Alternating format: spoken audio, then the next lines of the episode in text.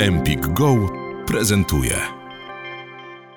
Dzień dobry. Zaczynamy kolejny odcinek Ducholożki na tropie różnego rodzaju miejskich legend, ukrytych kodów i wzorów naszej kultury i tego, jak, jak myślimy i się porozumiewamy. I tego, co folkloryści nazywają magicznym sednem naszej rzeczywistości.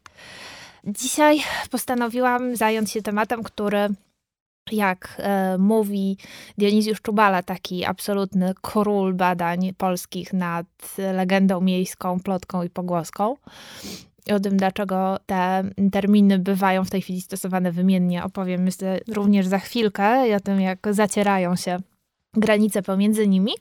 Jak mówi wspomniany Dionizjusz Czubala, jeden z moich absolutnych idoli w zakresie folklorystyki i etnologii, badań nad kulturą, on wskazuje na to, że bardzo często takim impulsem, katalizatorem do rozpowszechnienia się jakiejś legendy miejskiej, czy różnego rodzaju nieprawdziwych, czasami niebezpiecznych pogłosek, są aktualne wydarzenia, które wywołują jakąś niepewność, które wywołują lęk, kiedy jest niepełna informacja na jakiś temat, kiedy żyjemy w napięciu, wówczas jakoś ta masowa wyobraźnia zaczyna sobie uzupełniać opowieściami, wzorami, domysłami te dane, które są dostępne. No i oczywiście jeden z takich tematów elektryzujących wszystkich, który dotyczy każdego, którym każdy się przejmuje, to jest oczywiście zdrowie i możliwe zagrożenia dla niego, a ponieważ żyjemy akurat w momencie, w którym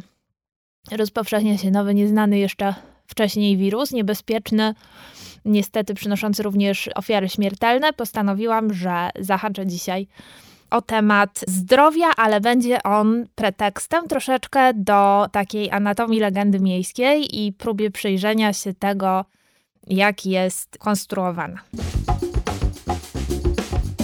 Dionizjusz Czubala opowiada, że jakby tak zwane legendy zarazy są jednymi z najstarszych, na pewno znanymi również od średniowiecza, takimi, które mają bardzo niebezpieczny potencjał, dlatego że one jakby służą samoobronie w pewnym sensie, ale jest to samoobrona bardzo często także przez wykluczenie różnych grup ludzi, które są kojarzone zazwyczaj błędnie ze źródłem jakiejś choroby. To znaczy, w, no może, może to prowadzić do tragicznych konsekwencji, do izolacji, do wrogości, ale nie tym się dziś zajmiemy, choć jest to, jest to temat również bardzo ciekawy, ale chciałabym opowiedzieć o tym, jak właśnie ten lęk i obawa y, przed zagrożeniem dla zdrowia i życia sprzyja podatności na legendę miejską. No i jest to legenda, z którą być może kiedyś się zetknęliście.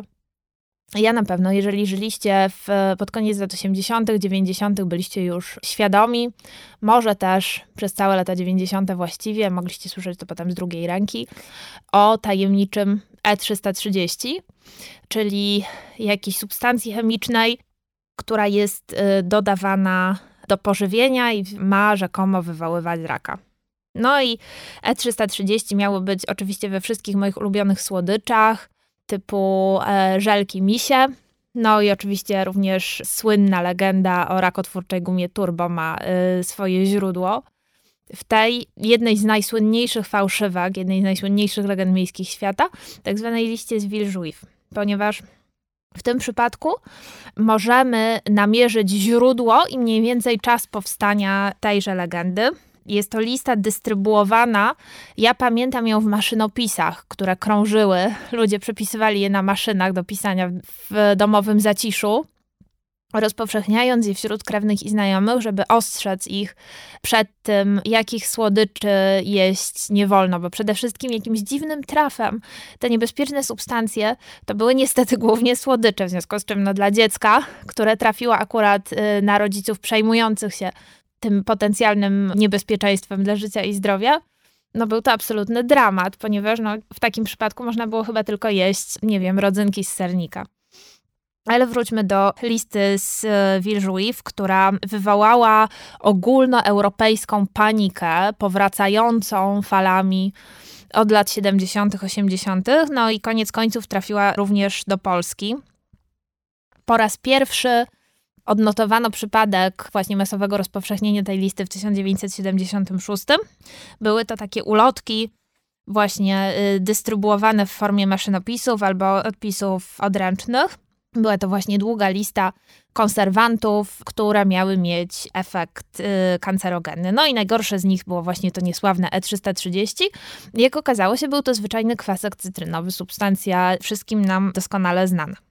No i niestety to jest przypadek ciekawy, niestety dlatego, że jakby on dowodzi tego, że bardzo trudno jest jakby zmierzyć się z legendą miejską, dlatego że im mocniej się jej opieramy, tym silniej ona służy jako jakaś racjonalizacja, tym bardziej ona nabiera mocy i jeden z badaczy tego fenomenu, francuski badacz Kapferer, wykazał, że im częściej podkreślano, że kwasek cytrynowy jest y, zupełnie bezpieczny, że jest to nieszkodliwa substancja, tym bardziej ludzie nabierali podejrzliwości i tym chętniej tę listę dystrybuowali. Więc jest to jakby troszeczkę taki odruch kolanowy, że jeżeli podajemy jakieś racjonalne, naukowe wyjaśnienie, że hej, to tak nie działa, to nie jest niebezpieczne, to włącza się takie myślenie nieco spiskowe, że nie, nie, nie, coś w tym musi być, prawda? Że dlaczego uspokajacie nas? Pamiętam również, że ta lista była rozpowszechniana, czy jakieś jej powiedzmy remiksy pojawiały się w prasie, w tak zwanych czasopismach konsumenckich w okresie transformacji. Dlatego jest to dla mnie jeden z fenomenów takich bardzo, bardzo duchologicznych. Właśnie lata transformacji są bardzo powiązane z tą paniką na tle zdrowia. Zresztą nie była to jedyna dlatego że na przykład katastrofa w Czarnobylu również y, wygenerowała bardzo dużo legend miejskich, plotek i pogłosek, czy też na przykład to są powszechnie znane również legendy związane z pojawieniem się wirusa HIV i z nosicielami tegoż wirusa wiązano właśnie różne legendy miejskie, na przykład o o chłopaku, który obudził się po jakiejś upojnej nocy z przypadkowo poznaną dziewczyną i zobaczył na lustrze napis szminką Witaj w klubie wirusa HIV. Tego typu opowieści właśnie krążyły w latach 80., demonizujące oczywiście nosicieli i przyczyniające się do jakiejś izolacji, do budowy takiej ściany strachu.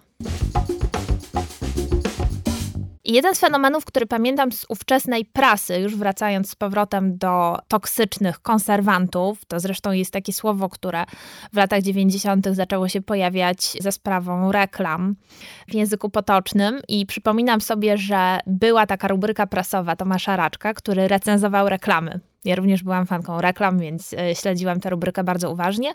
I on pytał, kto w potocznej polszczyźnie używa słowa konserwant, właśnie a propos jakiejś reklamy margaryny, gdzie jakiś bardzo zadowolony piknikowicz mówił, że och, nie zawiera konserwantów. No, okazało się, że chyba właśnie ten konserwant ze sprawą języka reklamowego wszedł do potocznego obiegu. No i stał się również synonimem czegoś niebezpiecznego. Właśnie przez powiązanie z taką listą czy wspomnianymi jej remixami ponieważ pamiętam reklamy, a właściwie antyreklamy zamieszczane w e, prasie konsumenckiej w okolicach 1990 roku, gdzie umieszczano zdjęcia różnego rodzaju słodyczy i napojów z podpisem nie kupuj tego, importowane słodycze i napoje y, są szkodliwe dla twojego zdrowia i zawierają rakotwórcze składniki.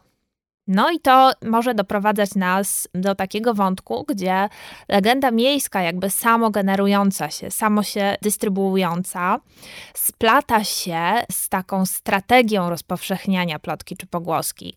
Czyli jest to jakiś styk, powiedziałabym, folkloru i propagandy, który jest y, szalenie ciekawym terenem dlatego że zwłaszcza teraz, kiedy mamy media społecznościowe, które y, są w stanie przyspieszyć dystrybucję dowolnej legendy miejskiej, można wygenerować coś i przyczynić się do rozprzestrzenienia tego błyskawicznie jest to bardzo, bardzo ciekawe pole obserwacji dla folklorysty. I wydaje mi się, że właśnie ten przykład y, antyreklamy słodyczy i napojów to jest dobry, choć taki powiedziałabym bardzo, bardzo toporny, w bardzo duchologicznym stylu, bardzo 90 Przykład właśnie takiego wirala, który, wirusa umysłu, który miał zakodować u ludzi celowo żeby kupować inne produkty, jakby nie, nie, nie te, bo była tam oczywiście nazwa dystrybutora, u którego można było kupować y, bezpieczny sok pomarańczowy.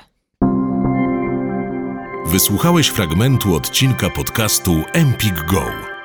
Słuchaj całości w aplikacji Empik Go. Pobierz aplikację i zarejestruj się już teraz. Wybieraj spośród tysięcy audiobooków, e-booków, audioseriali i podcastów. Masz 7 dni za darmo.